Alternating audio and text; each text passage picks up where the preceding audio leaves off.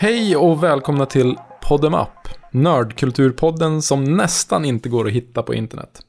Ni som sitter där med oss i öronen har gjort det jävligt bra och vi som sitter här är jag, Mikael Gill och du, Jimmy Håkansson. Eh, innan vi kör vårt lilla Hur är läget, vad har vi för nyheter inslag så tänkte jag fråga dig en sak Jimmy. Eh, om valet står mellan att 1. Bli en superhjälte eller 2. Att få ge oralsex. Vad skulle du välja då? Oj, ja du. Eh, det, det, är så att det kanske, det ena behöver inte utesluta det andra. Det, det, ena, det senare kan ju vara min superkraft. Eller? Eller? Kan du det? Ja. Jag, jag pratar Hur kommer det sig att du tänker på det här nu då? ja, det har ju hänt saker på internet. Och du har ju läst på lite mer om det här än vad jag kanske har. Så kan inte du dra liksom i korthet, varför ställer jag ens den här frågan? Varför vi inleder med en så ekivok fråga menar du? Jo, det, det, är ju så här att det finns ju en animerad serie som heter Harley Quinn. Som görs av, eh, nu ska vi se här, jag har antecknat deras namn. Justin Halpern och Patrick Schumacher. Och de eh, försöker ju tänja på gränserna för vad man får göra i det här DC Comics-universumet. Eh, och till tredje säsongen av deras eh, Harley-serie så gjorde de någonting, eller de ville göra någonting men där kom DC Comics in och sa nej, nej, nej, det där får ni inte göra. Och det handlade helt enkelt om att de vill ha en scen där Batman går ner på Catwoman. Men det, det kan han inte göra. Och varför kan han inte göra det? Jo, eftersom jag vet inte riktigt om det här är ett faktiskt citat eller om det här är de här Harley-skaparna själva som på citerar. Mm. Eh, men det som sägs i alla fall Heroes don't do that.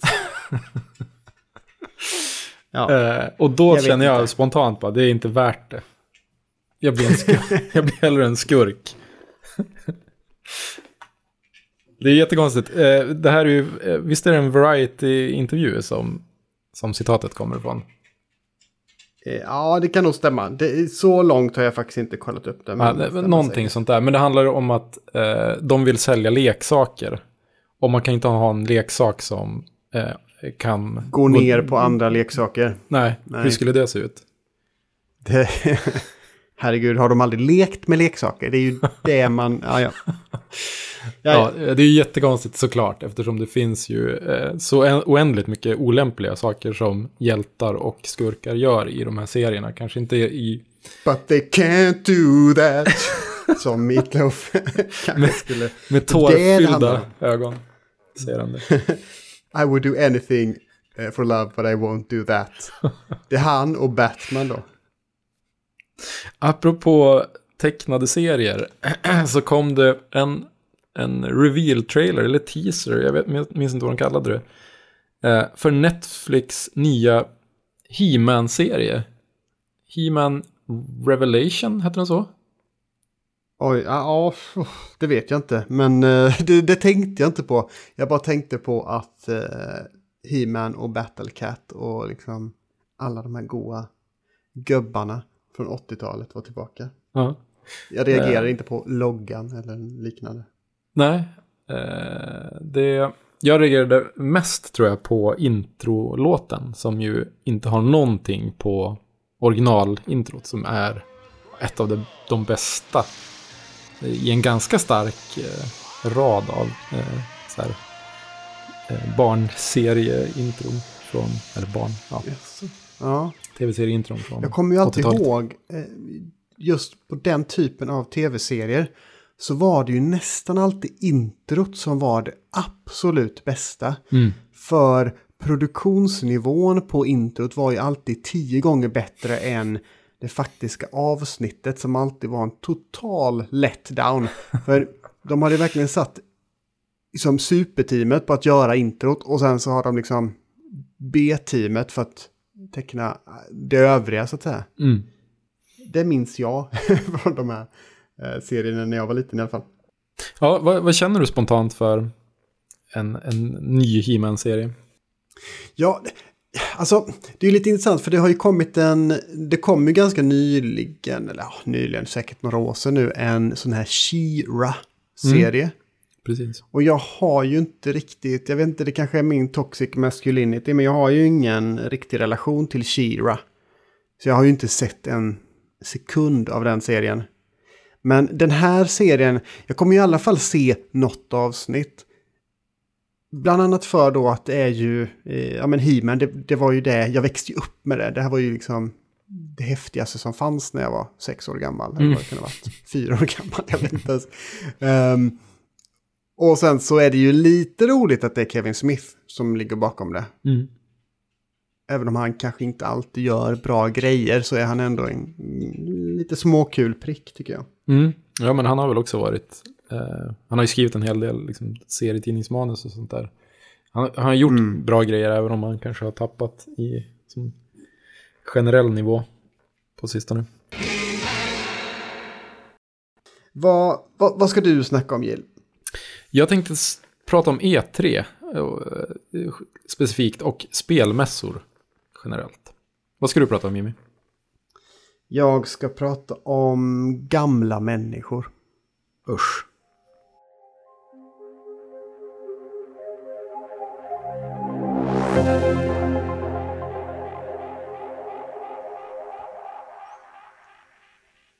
Saker och ting står inte rätt till i centrala Los Angeles. Så här års brukar de stekheta betongkomplexen invaderas av horder av gamers, booth babes och överförfriskade butikschefer. Men i år är det helt tyst och lugnt. Varför är det så? Jo, för att Electronic Entertainment Expo E3 har flyttat ut i cyberspace. Jimmy, spelmässor. Vad betyder de för dig? Ja, de, frågan är vad de betyder för mig idag och vad de har betytt för mig. Idag betyder de lika lite för mig som de betyder för alla andra känns det som. Mm -hmm. Spelmässans värde har ju devalverat kraftigt. Är det på grund av dig eller på grund av någonting generellt? För att jag säger, det är för att jag säger så. Och då är det så. Nej men både och. Generellt och eh, för mig personligen. Ja men börja, börja med att berätta vad det var förr då. Hur det var förr, okej. Okay? Mm. Barn, sätt er ner så ska farbror berätta. Förr i världen, nej men så som jag minns det från way, way back så var ju E3 då framförallt. Men även Tokyo Game Show. Tokyo Game Show var ju den här exotiska frågan i, i det hela. Mm. Eh, sen så fanns det ju även ECTS, minns du den? Mm. Gamle.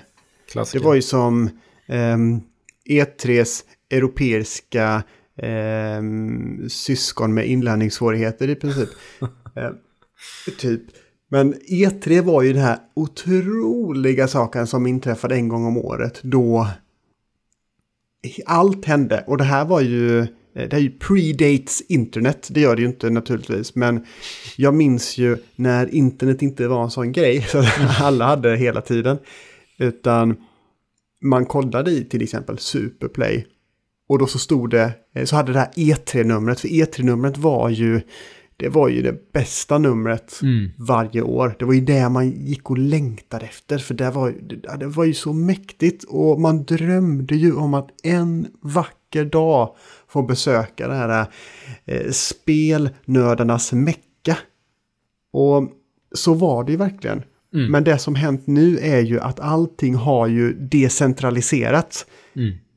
Inte bara på grund av internet, men delvis, men också för att det är så många aktörer som helt enkelt hoppat ut och startat sina egna små mässor. Och det som har skett ja, men i år och, och förra året är ju att ja, men, den här fysiska mässan som sådan har ju helt och hållet uh, gått under jord så att säga. Så mm. allting är ju bara ett uh, glorifierat Zoom-möte i princip. Så, lite deppigt kan jag tycka som en gammal boomer. Ja. Vad men tycker jag, du själv? Ja, nej, men jag känner ju igen den här känslan förstås. Att, att det var någonting eh, magiskt och nu har det blivit lite urholkat. Och, och liksom allting cirklar inte kring de här datumen. De här liksom, tre dagarna i juni då, då allt visas, utan det kan spridas ut mer. Det kan finnas eh, utannonseringar på Gamescom i augusti eller eh, Tokyo Game Show i september eller, eller nästan när som helst annars på året, Game Awards eller fan det Mm. är. Eh, och det är ju såklart lite tråkigare, men eh, jag ser ändå fram emot det tror jag, på, på ett liknande sätt som jag gjorde för 20 år sedan. Liksom. Det, det är fortfarande det gör inte jag. någonting väldigt stort för mig. Jag, jag försöker att se eh, strömmarna ifrån från de här konferenserna och sådär. Eh, vilket inte alltid är det, det enklaste. Men, men jag, jag tycker att det finns någonting charmigt med det här. Även om eh, det här årets och förra årets kanske var lite speciellt i och med att det var digitalt. Men också att det, det känns som att de kanske har hållit ner lite grann på de stora eh, supermäktiga utannonseringarna. Ehm, men vi har ju båda varit på E3 speciellt och, och andra spelmässor också. Men, men eh, hur skulle du säga att det är att vara där? När var du på E E3? Jag har ju bara varit på E3 en gång. Mm. Och det var ju 2004. Mhm. Det är ju, det är ju så länge sedan. Det är väldigt det, länge det är sedan. Så, det är ju så länge sedan. Alltså, ja, det är galet. Men det var ju, det var ju allting som jag hade drömt om. Men det var det ju faktiskt.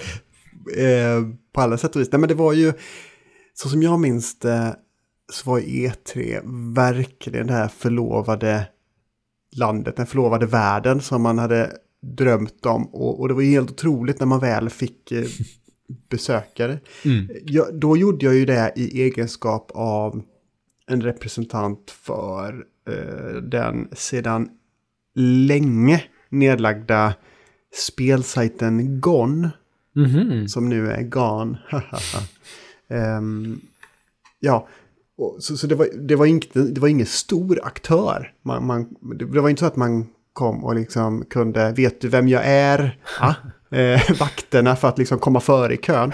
Det, var, det, det hade man inte, det kortet kunde man inte riktigt spela ut. Utan man var ju där på nåder, verkligen. Jag var ju verkligen där på nåder. Mm. Men eh, jag tyckte det var otroligt härligt. Det, jag, jag minns två saker eh, starkast. Och det ena är när jag hade möjlighet att träffa Peter Molyneux Mhm. och intervjua honom eh, inför, jag tror det var inför Fable. Det första Fable. Intrycket jag fick av honom var att han var ju så här, han förstod ju och märkte hur otroligt nervös jag var. och var väldigt faderlig. Måste jag ändå säga. Ja, det var, det var, han var väldigt omhändertagande och fin. Det var, det var, så kan man ju säga mycket om Peter Molyneux och vad han har lovat genom tiderna. Han har, ju, han har ju fått lite av ett rykte av att lova guld och gröna skogar och sen så när man väl kommer dit så är det ett kalhygge. Ja, men är inte, är inte Peter Molyneux den perfekta spelmässerepresentanten på ett sätt? Ja, det finns en annan, men eh, det kan vi ta. Eh, Men absolut, han, han är ju den som kommer till Springfield och vill sälja en monorail. Ja, men om man köper det, alltså på spelmässan. Och sen blir man kanske till och med att man vet innan att man kommer bli besviken. Men, men liksom hans vision, allt det här, eh, alla löften om vad spelet, vilket den är, kommer att vara om sex månader eller ett och ett halvt år när det släpps. Det är precis därför man vill till spelmässan. Man vill få den här. CGI-trailern och bara tänka, helvete, är det så här det ska vara i Man vill- framtiden? Man vill bli sol och vårad. Ja, exakt. Roligt för att jag, jag intervjuade Pete Molyneux på GDC. Jag minns inte vilket år det var. Det var när Molyneux eh, blev eh, invald i Hall of Fame. Eh, så jag tror inte att han gjorde reklam för något särskilt spel. Men då hade jag i alla fall... Eh, då skulle jag intervjua honom. Jag minns inte ens om det var Superplay kanske. Jag vet inte varför. varför jag fick prata med honom. Men det var, det var också väldigt, han var väldigt så här, duktig på att få en att känna sig som en kompis. Ja. Mer, mer än, än liksom, eller som en, en son. Liksom, att han tar hand om en. Eh, vi skulle egentligen ha eh, genomfört intervjun i en hotellobby, hotellet där han bodde. Men han och hans agent och tror hans son Eh, åkte istället upp till eh, hans hotellrum och så hängde vi där och snackade i en timme. Jag fick höra hans här, Hall of Fame tacktal innan eh, han drog det för liksom, han ville, ville få feedback på vad han skulle Oj. säga. Eh, och, och, och liksom, ja men, klart att det är lätt att håna honom för alla visioner som är helt vansinniga och, och utvecklar team som gråter när han säger saker som man inte har tänkt igenom. Så. Men, men han är ändå en, en visionär som jag ändå tänker har gjort någonting för branschen. Det var jättekul att prata med honom. Eh, jag, jag har ett annat minne från eh, min eh, E3-vistelse. Som är...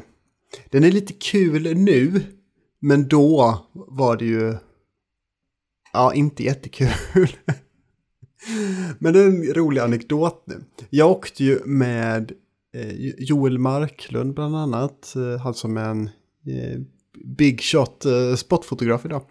Och eh, ja, vår vår gemensamma bekant Peter Bårdman.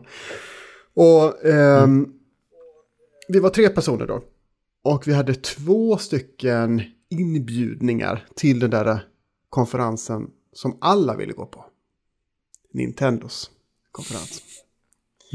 Så två av oss skulle gå på Nintendos konferens och den andra skulle då gå på, ja vilken annan konferens är det som gick samtidigt? Jo men det var ju Nokias Engage-konferens.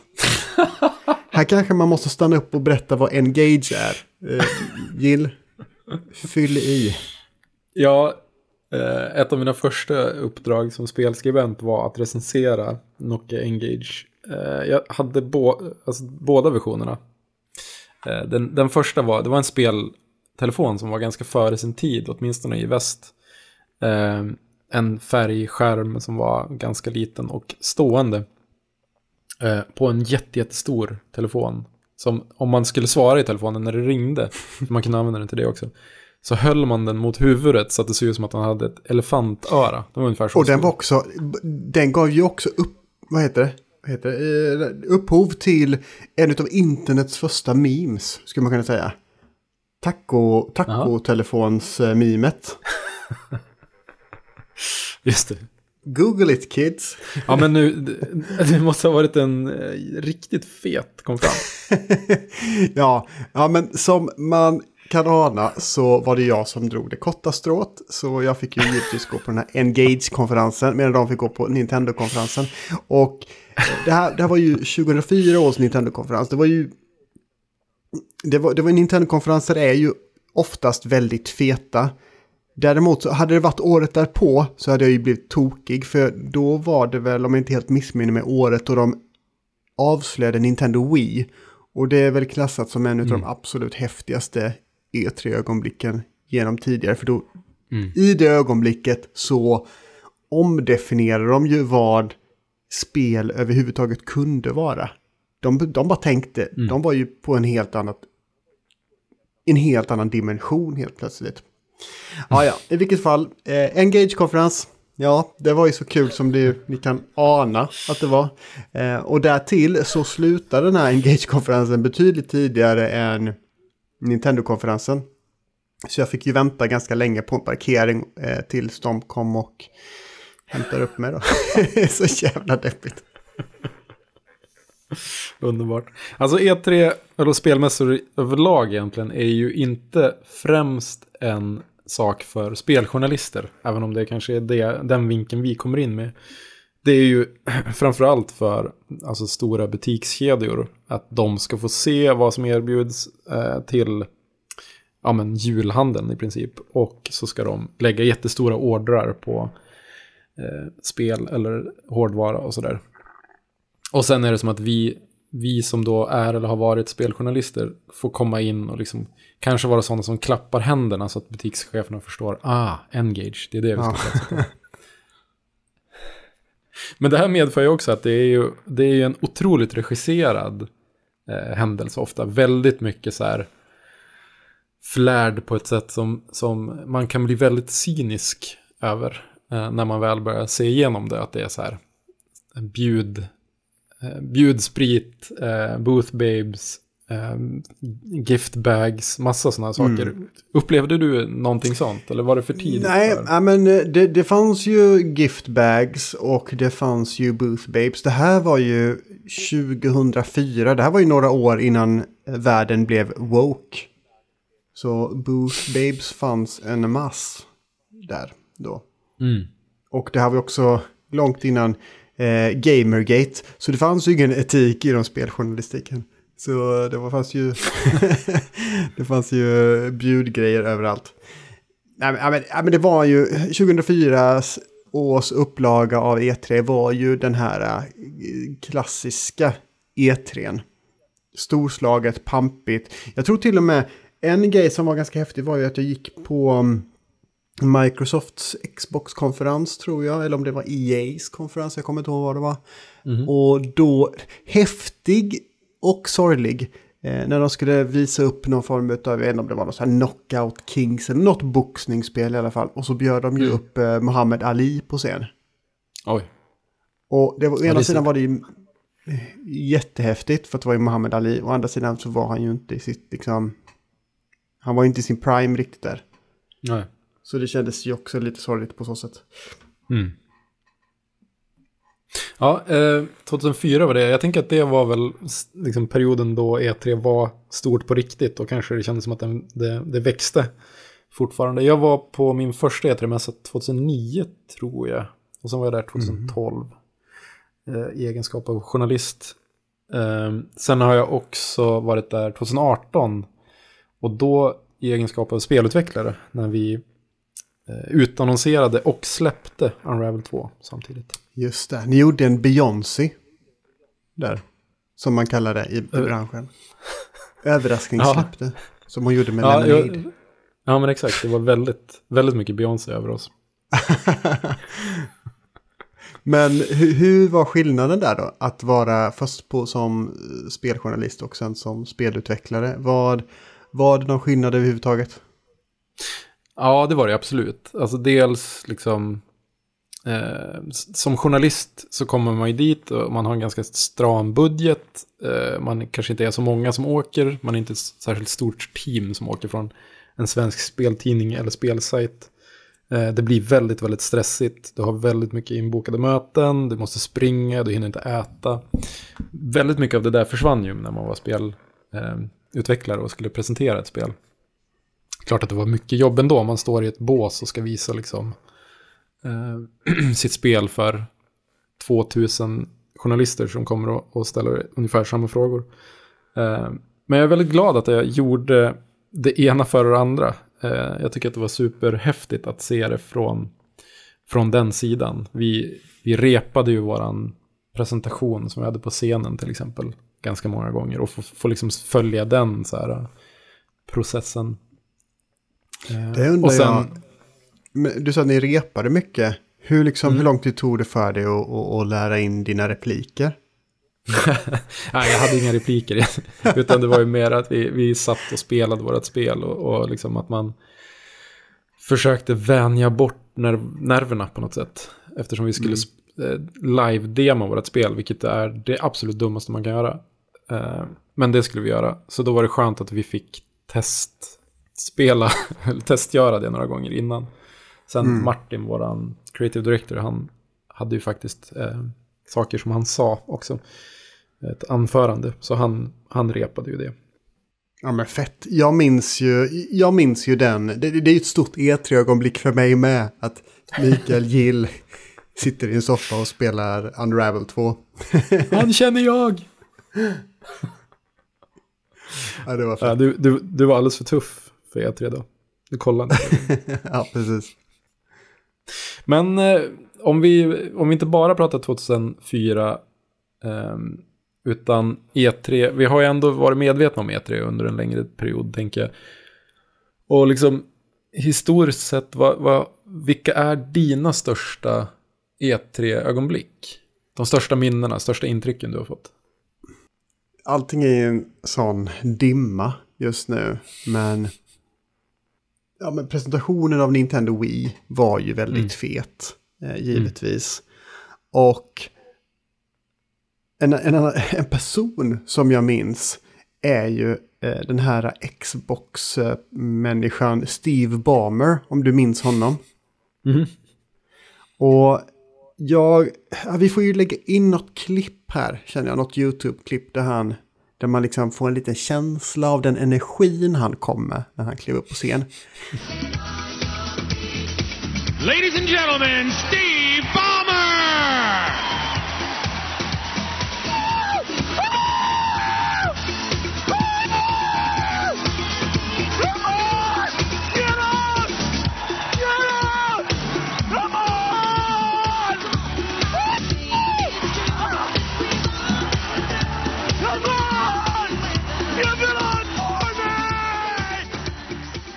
Han var ju fullständigt helt jävla galen och det var ju så himla underbart. Han bara kommer upp, han ser ut som en, eh, ja, en tråkig SO-lärare i princip.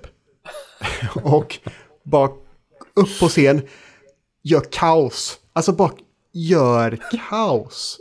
Totalt flippar fullständigt. Alltid. Skriker, viftar med armarna, är liksom...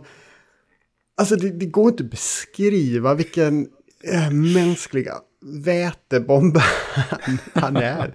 Men det är ju helt otroligt och det är så underbart härligt att titta på och lite läskigt med.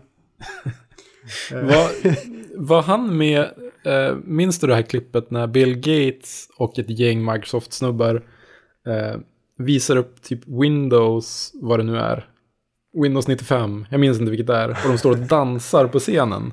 Alltså det, det vitaste ögonblicket någonsin i internets historia.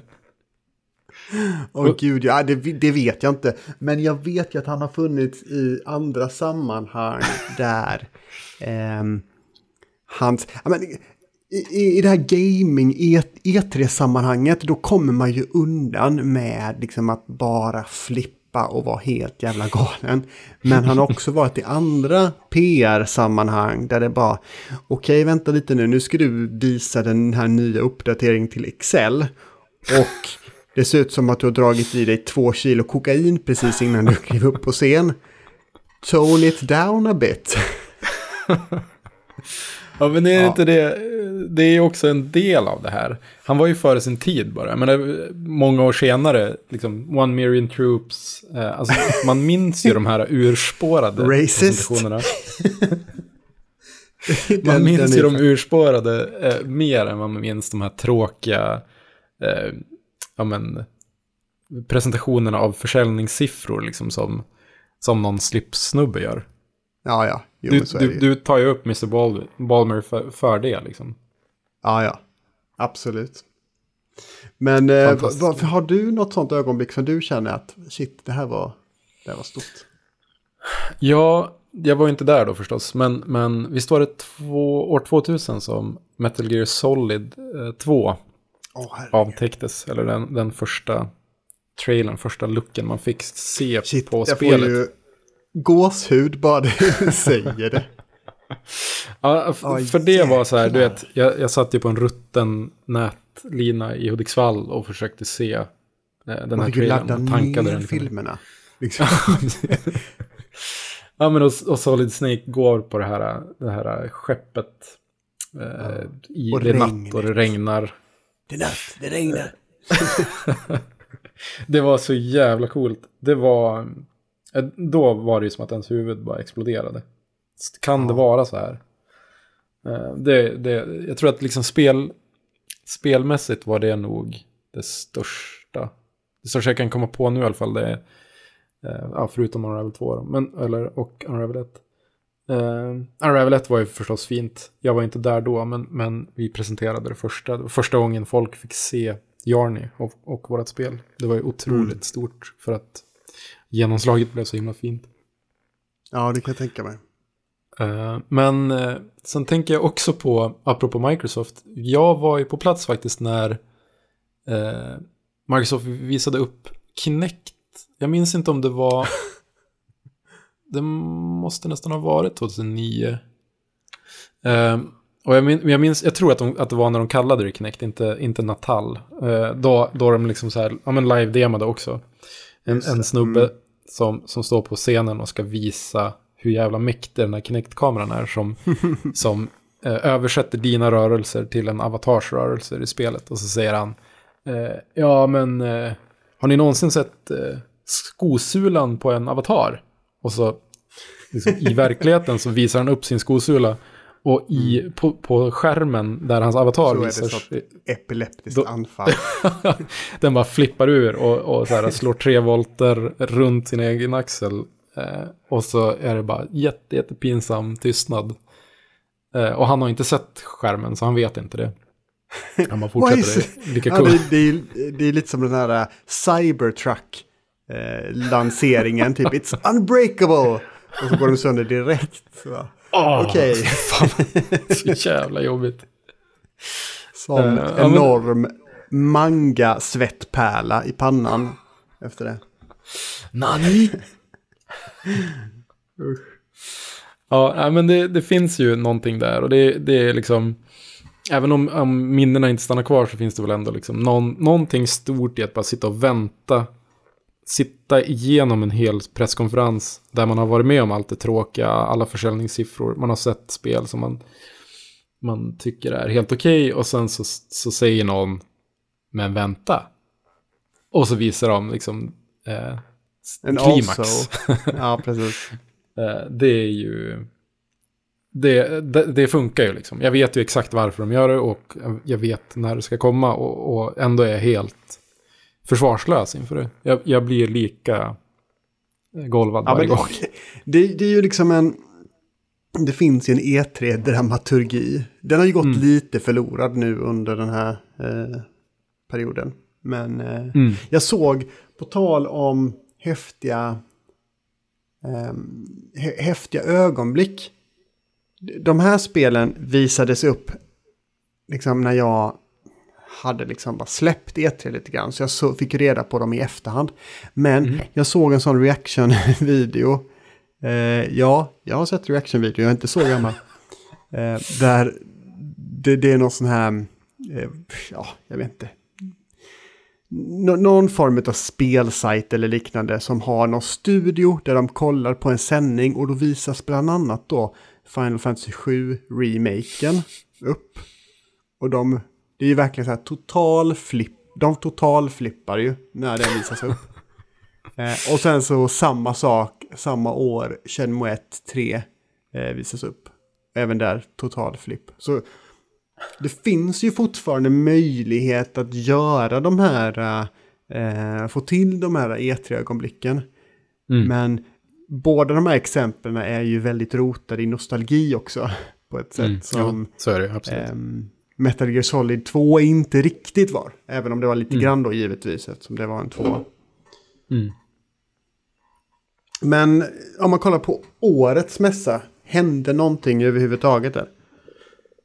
Ja, det var väl kanske ing, ingen sån där but wait eh, ögonblick. Även om Nintendo ju visade upp eh, uppföljaren till Breath of the Wild. Eh, det sista de gjorde. Och eh, Bethesda visar ju Starfield också. Eller en, en CGI-trailer för, för det. Mm.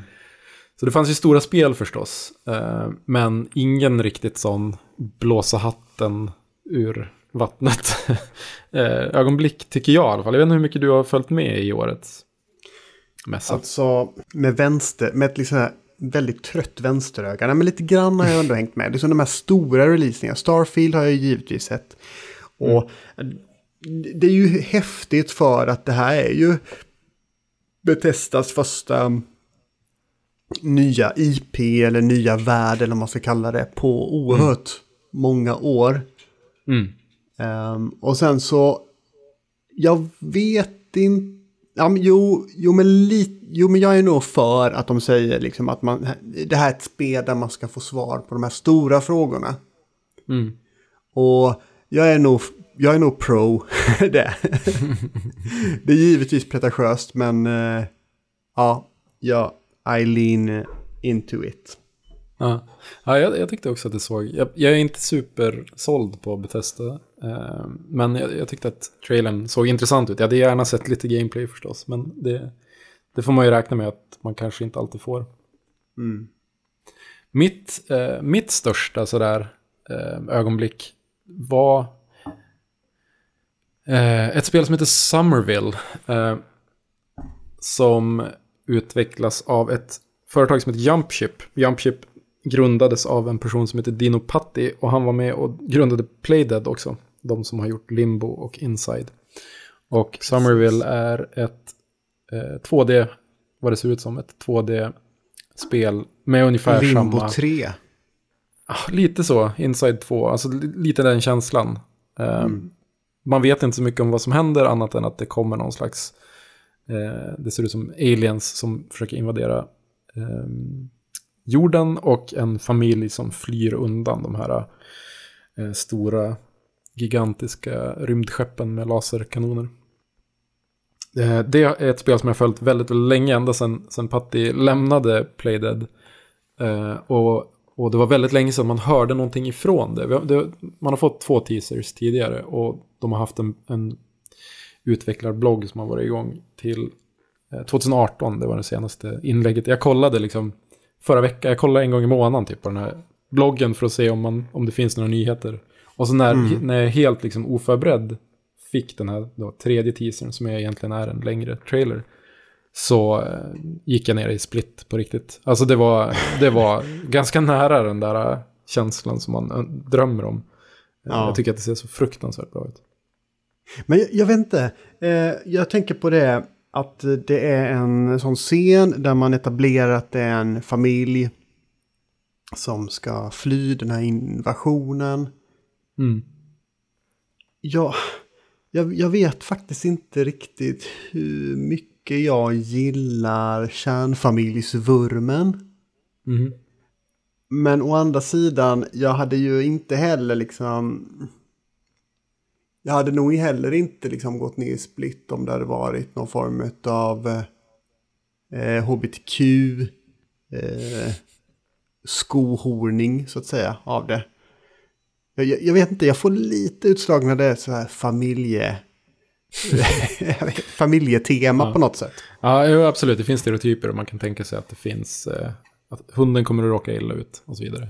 Eh, pappan kommer rädda allt.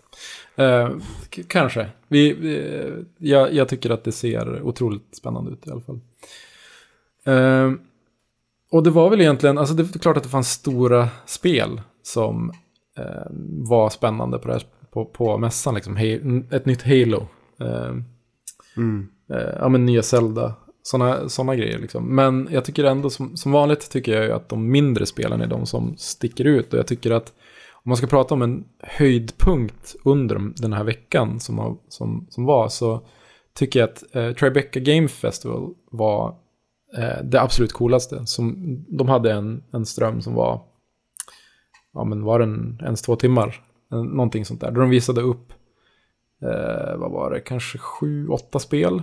Eh, där de också liksom gjorde, ja men varje segment var som en, en intervju med, med studion, ett besök hos studion bakom spelen. Eh, superintressant och jätte- jättemånga bra spel som ja, men Sable, eh, 12 Minutes, eh, eh, Kena Bridge of Spirits, Harold Halibut, eh, svenska Lost in Random. Eh, det tyckte jag var superkul och, och precis sånt som man vill se mer av på E3 tycker jag. Snarare än de här, någon eh, slipsnisse står på en scen och rapar siffror. Eh, Ja. Kan man få mer sånt om E3 blir, blir digitalt så är jag för det, absolut. Ja, absolut. Och liksom att ta ett steg bort från den här uh, PR... eh, Ja, men he- hela den här PR-känslan. Givetvis så är ju de här intervjuerna med utvecklare och allting, det är också uppstyrt. Så det är klart att det är Mm. det. Och det är ju egentligen ett... Det är ju nästan förmodligen mer uppstyrt än här kommer Nisse ut på scen och berättar om deras senaste års eh, liksom kvartalsrapport i princip. Men Mm. det är så pass bra PR i arbetat att man inte känner det så att säga. Nej. Ja, det känns ju som att det är mer ärligt, mer från hjärtat på något sätt. Samtidigt som vi att, ja men när, när en ensam spelutvecklare går ut på en scen och ser jättenervös ut och presenterar sitt spel så blir det ju också så här, även om den personen har tränat på sitt anförande några gånger så blir det ju också väldigt naket och, och ärligt. Ja, jo absolut. Sätt. Ehm, Ett spel som var lite av en, en eh, vattendelare. Mhm. Som jag gillade. Men som du inte gillade. Jag, jag förstår och jag håller med delvis. Metroid Dread. Vad, Ja. vad tänker vi där? vad tänker du där? Eh, ja, men det var ju på Nintendos eh, Nintendo Direct som de hade. Och då hade de ju först börjat det segmentet egentligen med att säga vi kommer inte att visa Metroid Prime 4. Det, vi håller på att jobba på det, men vi visar ingenting. Då, då direkt lägger man ribban ganska lågt för mig. Jag blev Ja. jättebesviken. För att jag hade väldigt gärna sett det.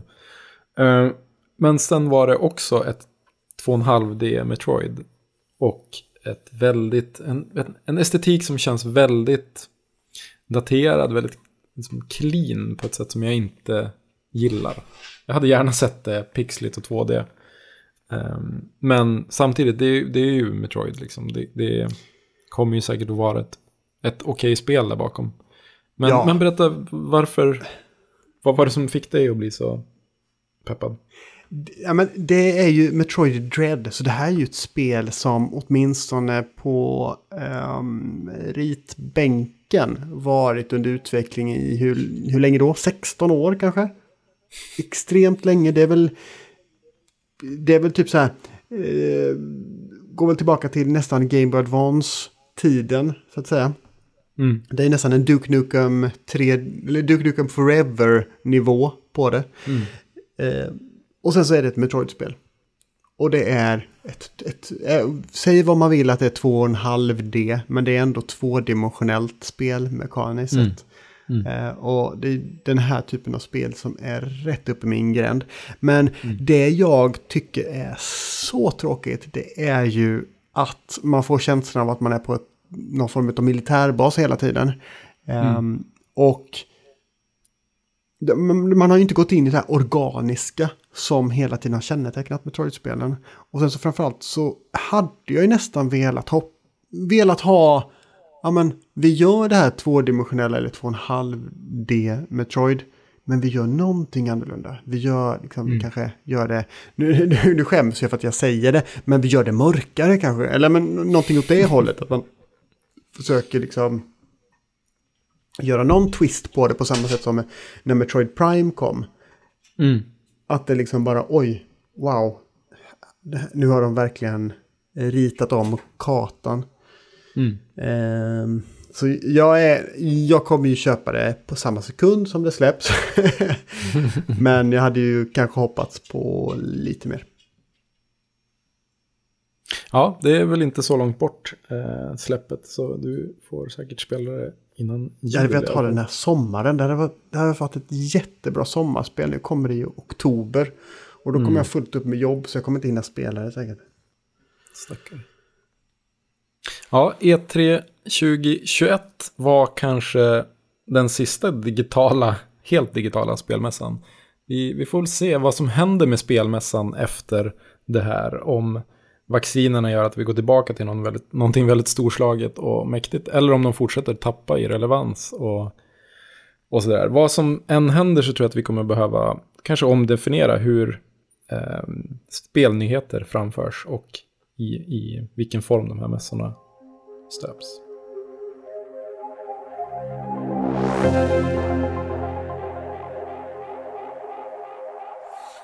Hollywood doesn't know what to do with Angelina Jolie, läser jag på The Atlantic. Det handlar såklart om ålder, för Jolie är en 46 år gammal kvinna och således ett omöjligt pussel för en industri som fetischerar ungdom. Trots det så är hon efter mångt och mycket tillbaka i en actionroll i filmen Those Who Wish Me Dead. Och Angelina Jolie är ju inte ensam om att inte vara purung. Men trots det vågar visa sig framför en kamera.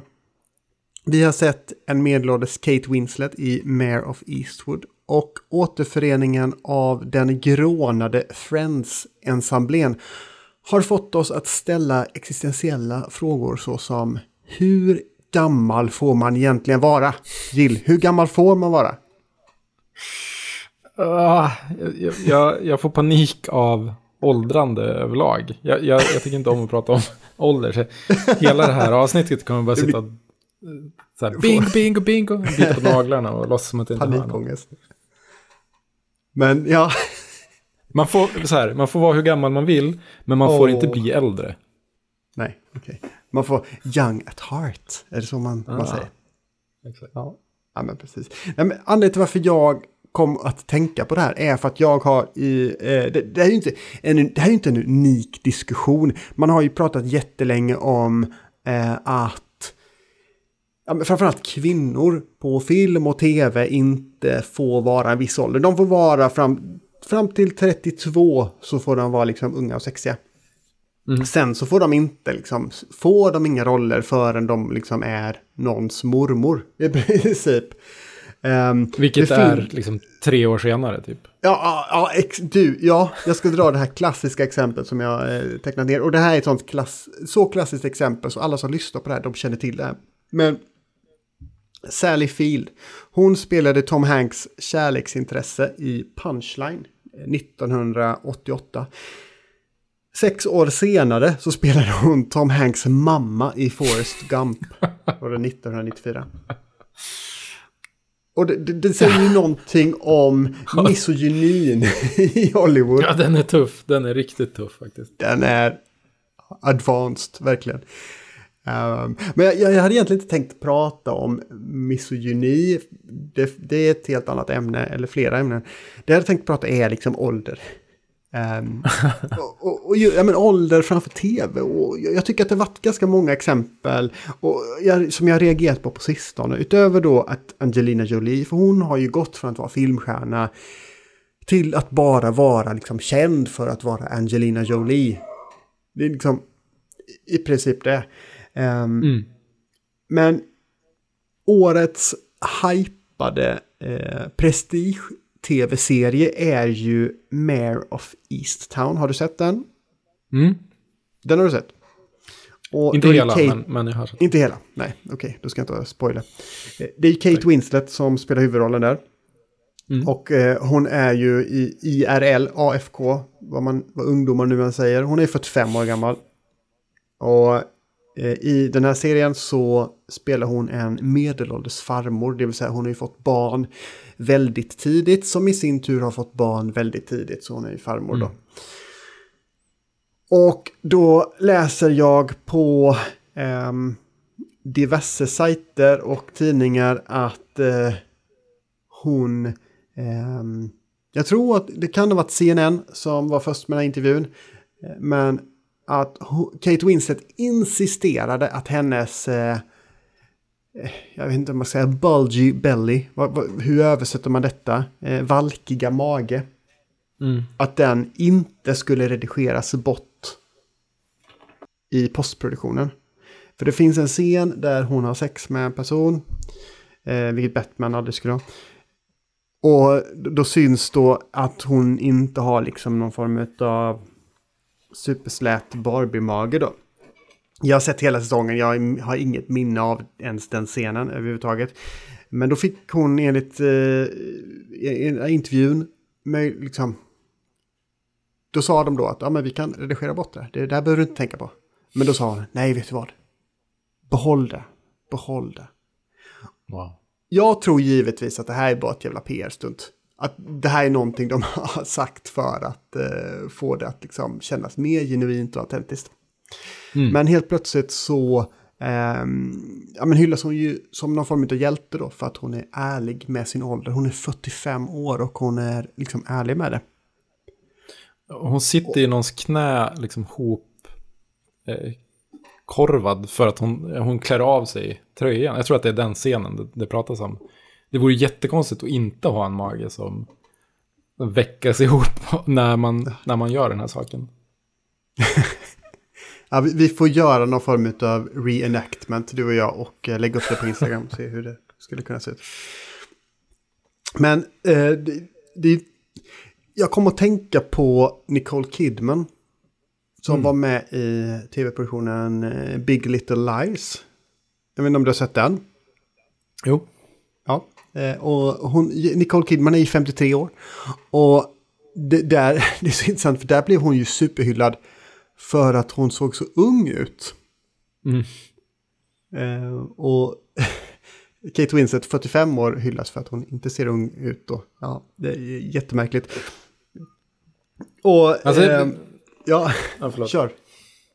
Nej, men du sa att vi inte skulle prata misogyni, men liksom, går det ens att ta, ta bort den eh, dimensionen av det här? Det gör det ju inte, eller hur? För att män kan ju vara hur gamla som helst och de kan se ut hur som helst i princip. Eh, och så funkar det. Det går att spinna det på olika sätt som det inte gör med kvinnliga skådespelare. Och, och liksom, man bedöms alltid på, på sitt utseende och på sitt, sin nivå av åldrande eller, eller icke-åldrande. Alltså det händer ju oändligt mycket mer för kvinnliga skådespelare än manliga. Absolut, så är det ju definitivt.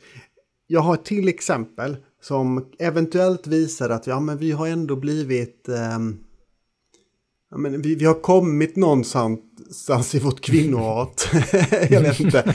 För eh, att vi även börjar bedöma män enligt samma. eh, På samma sätt. Jag kommer att tänka på nämligen den här Friends-återföreningen. Jag vet inte om du har sett den? Nej, det har jag Det, inte gjort. det är okej att du inte har sett den. För det är, Nej, jag känner också det det är faktiskt. inte jätteviktigt. Men jag, sett, jag, jag såg den eftersom jag måste göra det. Och, och det är ju Matt LeBlanc som spelade Joey. Som var den här, äh, ja ung var han ju givetvis liksom alla andra i den ensemblén. Eh, Men han, han var ju den här lite så här hunkige karaktären av, av de här tre killarna. För det är tre killar och tre, tre tjejer. Men alla blev ju, eller alla, ja men folk, folk på internet blev ju chockade av att han hade blivit äldre och tjockare än vad han var när man spelade in serien.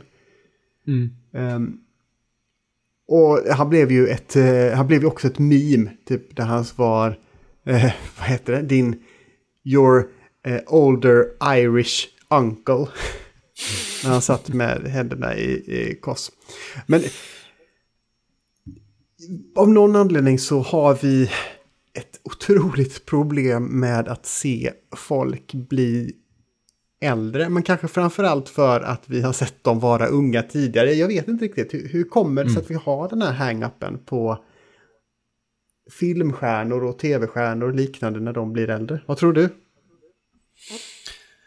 Nej, men är det inte det, det, klassiska, liksom, precis som när man själv skaffar barn och de blir äldre, att, att man blir chockad över det på ett sätt, handlar ju såklart över, alltså om att tiden går väldigt fort, att du själv åldras, att det, allting sätts i relation till hur nära slutet du själv är. Eller så, det, det är som min så här skräck. Jag har hatat att bli äldre sen jag fyllde 17 i princip, för att det betyder att jag kommer bara närmare döden. Jag tycker att det är ganska kul att leva och jag ser inget alternativ till det riktigt.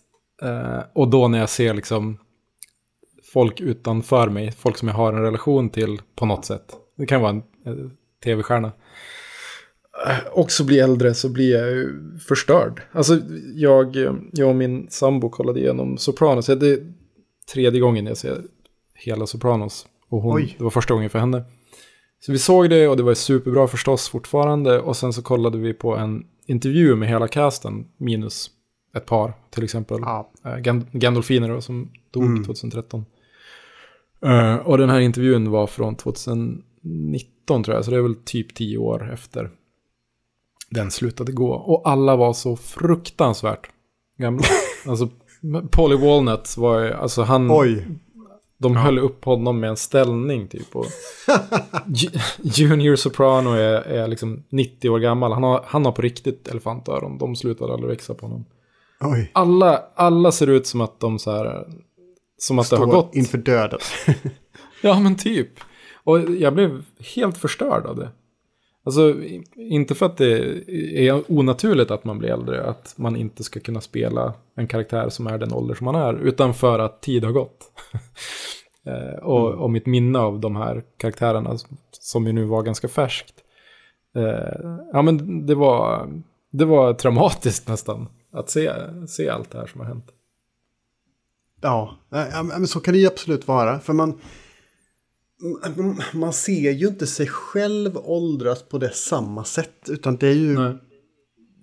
Det sker ju liksom stegvis på ett helt annat sätt. Men de här karaktärerna ser man ju bara i etapper. Eh, men man ser ju också sina barn givetvis då, att de åldras. Eh, och sen så på någonstans så... På något sätt så lyckas man ju sätta ihop ett och ett. Och att oj shit, det, det innebär ju att det här tiden även förflyttas för en själv. Såvida man Ja, inte fast att- i en time loop. Callback till föregående Ja, avsnitt. Ja. Men visst blir man äldre? Ja, skitsamma.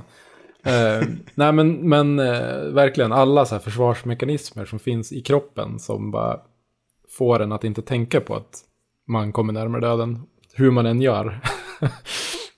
s- liksom, de slås ut när man ser att tid har gått. Ja, det som jag tyckte var ganska intressant är ehm, i var i samband med just den här Friends-återföreningen och se hela hur den här, um, eh, vad ska man säga, woke-communityt får kortslutning i hur de ska hantera det här. Eh, å ena sidan så var det ju, ja men männen hade ju eh, åldrats väldigt mycket medan eh, kvinnorna inte hade åldrats lika mycket. Men de hade kanske, fler av dem hade kanske väl gått igenom fler ingrepp eller vad man ska säga. Mm. Och man visste, det, man bara såg, man såg hur de försökte, liksom, vad, vad, hur, vad ska jag tycka om det här? Mm. Det var, det var, det var smärtsamt. Men ehm, jag, jag tror precis som du säger att man blir påmind, man blir påmind om alltings förgänglighet när man ser åldrandet. Mm. Eh, och Kevin Smith då, som ligger bakom den här He-Man-serien som vi pratade om i början. Ja, just det. Han, han är ju han är väldigt mycket av en eskapist. Han vill ju och tycker att kultur, eller i alla fall den kultur som han gör och den han uppskattar, det är ju den underhållning att man ska liksom bara kunna fly bort från allting.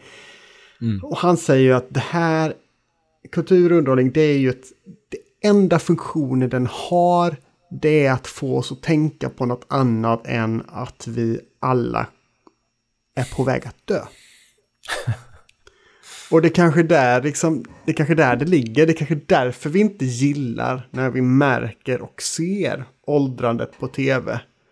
För helt plötsligt så spräcks illusionen och så inser vi liksom att ja, ja, vi kommer väl att dö.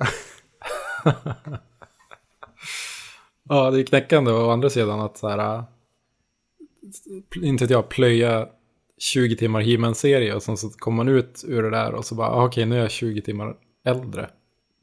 Utan att jag har gjort någonting annat än att suttit och käkat popcorn typ. Ja, 20, 20 timmar kan man ju leva med, men 20 år däremot, det är ju, det är ju en annan sak. Den är tuffare. Ja. Ja, Men men om- vad, är- vad, är, vad är konstens... Eh, alltså, eskapism, okej, det är en grej. Det, det kan jag köpa, liksom, att man vill fly undan en jobbig verklighet. Men, men har du något så här exempel på eh, böcker eller dikter eller vad som helst som får dig att uppskatta åldrandet på något sätt? Att, att du så här ser det vackra i att bli äldre, att, att få kramporna eller att tid passerar eller så här. Att bli okej med att bli gammal skulle väl också kunna vara ett sätt att hantera det på. Alltså, jag har väl ingen sån specifikt exempel på, men när jag läser den här dikten då känner jag en, en inre harmoni. Men jag är ändå, ändå liksom, jag kan ibland längta efter, åh, åh vad härligt att bli pensionär. Och bara inte göra något. det är för att du, du är så lat, det är det. ja, det kan vara det. Kan vara det. Nej, men det varit lite så här. eh, Jag tror, jag fick ju, jag fick ju barn när jag var väldigt ung. Jag var ju eh, 20 när jag, eller var 21. Nu kommer inte ihåg. Jo, men 21 var jag när jag fick barn. Så jag var ju väldigt ung när jag fick barn. Ehm, och, så, och jag gick ju från att vara en person som ja, men, intellektuellt vara 12 på något sätt. Till det att man får barn och bara, ah, okej, nu är jag 52.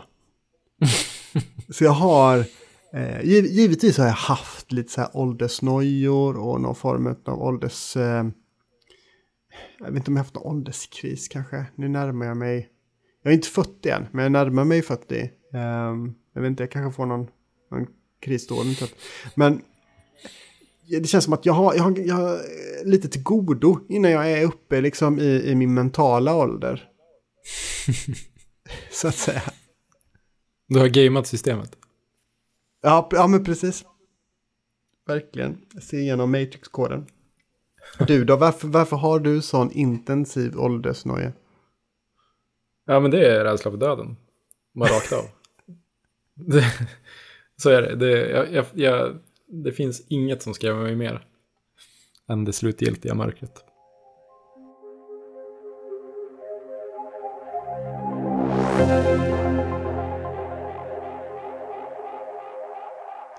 Så där ja, nu har vi snackat spelmässor och döden. Det är väl härligt. härligt. Usch, hela spektrat. Ja, men precis. Eh, Det ena utesluter inte det andra. Men från en sak till en helt annan sak. Vad gillar du, Mikael Gill? Idag gillar Jill eh, Sagan om ringen-adaptioner och eh, inte engelskspråkiga då, utan eh, gärna lite konstiga Sagan om ringen-adaptioner. Jag har snubb- jag, jag vet inte hur jag missat det tidigare, men jag snubblade över den finska adaptionen som finns, som är, jag tror det var en tv-serie eh, som gjordes 1993. Och vi måste ju såklart lägga ut länken och filmklipp och sånt där från det här. Det är helt fantastiskt. Eh, ganska låg budget, men ändå med vad som sägs vara stora finska skådisar som spelar Ringsällskapet eh, och Gollum och all, alla de här. Det, var, det cirkulerade ju någon sån rysk version av Sagan Exakt, ringen från typ- nyligen. 70-tal eller någonting som också är helt, helt otroligt eh, bra och rolig. Och liksom, men, eh, Bo Hanssons eh, musik som han gjorde till, det var väl en, en eh, Sveriges Radio, eh, radioteater. Det är också helt Ja. fantastisk. Eh, och det kan man ju prata om, det kan man ju knyta till exempel till att det ju görs en Amazon-serie som åtminstone tidigare har sagt att den ska komma eh, i år. Jag vet inte om Mm. det kanske skjuts upp nu med, med corona och allting. Men en otroligt, otroligt ambitiös tv-serie som ska handla om... Eh, filmerna och böckerna handlade om The Third Age, slutet på The Third Age i Middle Earth. Och den här kommer att handla om The Second Age. Exakt vad vet vi inte. Det har också ut annonserats precis att det ska komma en animerad eh, film som heter War of the Rohirrim. Som jag inte har något datum på, men som jag är superpeppad på förstås. Eh, jag vet inte, vi kanske borde prata Sagan om ringen någon gång. Vi kanske, vi kanske kan koppla det till Amazon-serien när den... Ja, jag har ju, jag har ju läst de första hundra sidorna i Sagan om ringen. Och sen... Nope. Skämtar du med mig? jag. jag har inte läst böckerna. Nej, Wow. jag tyckte att nej, det var bara... Det hände ingenting. Ingenting hände. Ja, men Jimmy, vad har du gillat då? Säger du. Väldigt sammanbitet. Du som inte gillar bra saker, vad gillar du?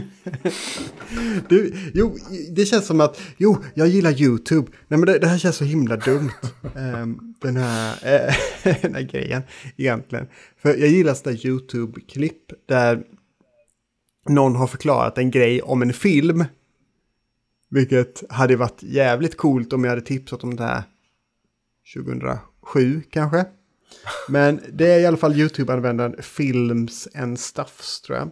Eh, som hade en genomgång om varför första Jurassic Park är så mycket snyggare än uppföljarna. Alltså även typ Jurassic World-uppföljarna. Mhm. Och, och då kände jag lite så här, ja men det, det, här, det här måste jag nog se. Så jag, jag kollar på det.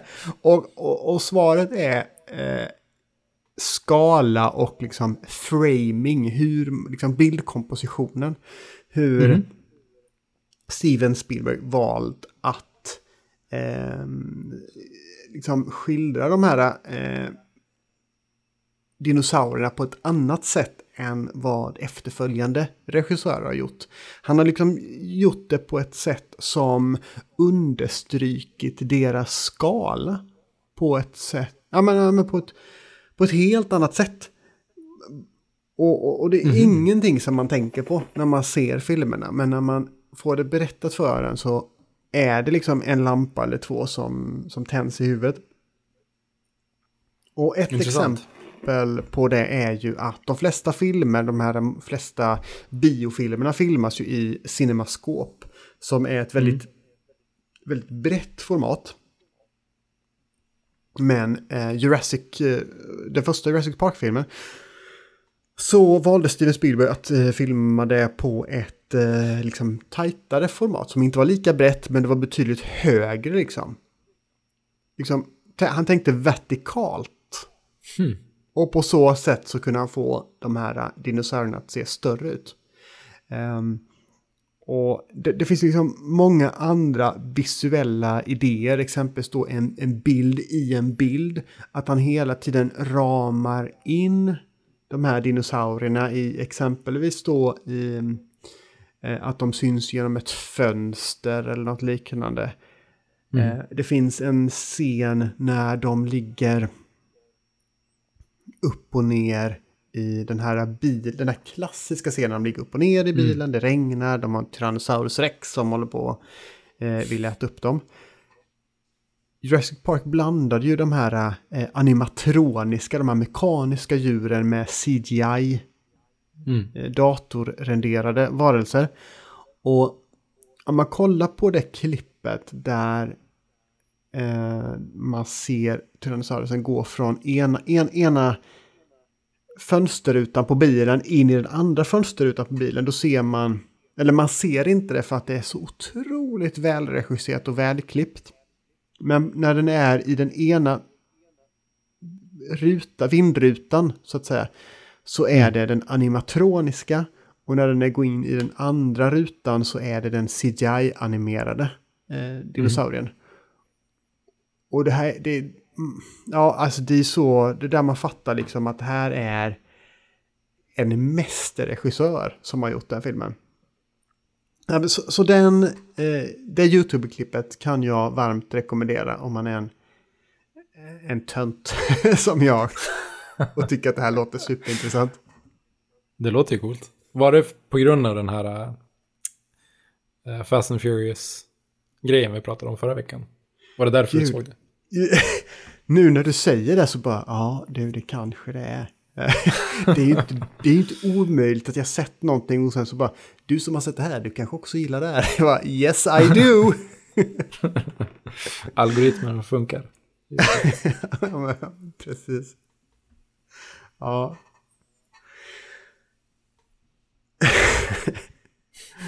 ja, vad säger du då? Ja, Har men nu känner jag mig ganska nöjd faktiskt. Ja, men vad bra. Och eh, jag tycker vi bryter där innan vi går för långt. Och Ja, så men kan det- vi väl tipsa om eh, att man kan följa på de Upcast på Twitter och Instagram. Precis. Där det kan man höra av sig om man har åsikter, tankar. Eh, eller vill bara berätta för oss att vi är bra. Eller om vi vill, ni vill likea våra roliga bilder eller våra retweeta oss. Eller vad ni ungdomar håller på med. typ. Exakt. Gött, vi säger så. Vi gör det. Ha det fint. Tack för idag. Hej då.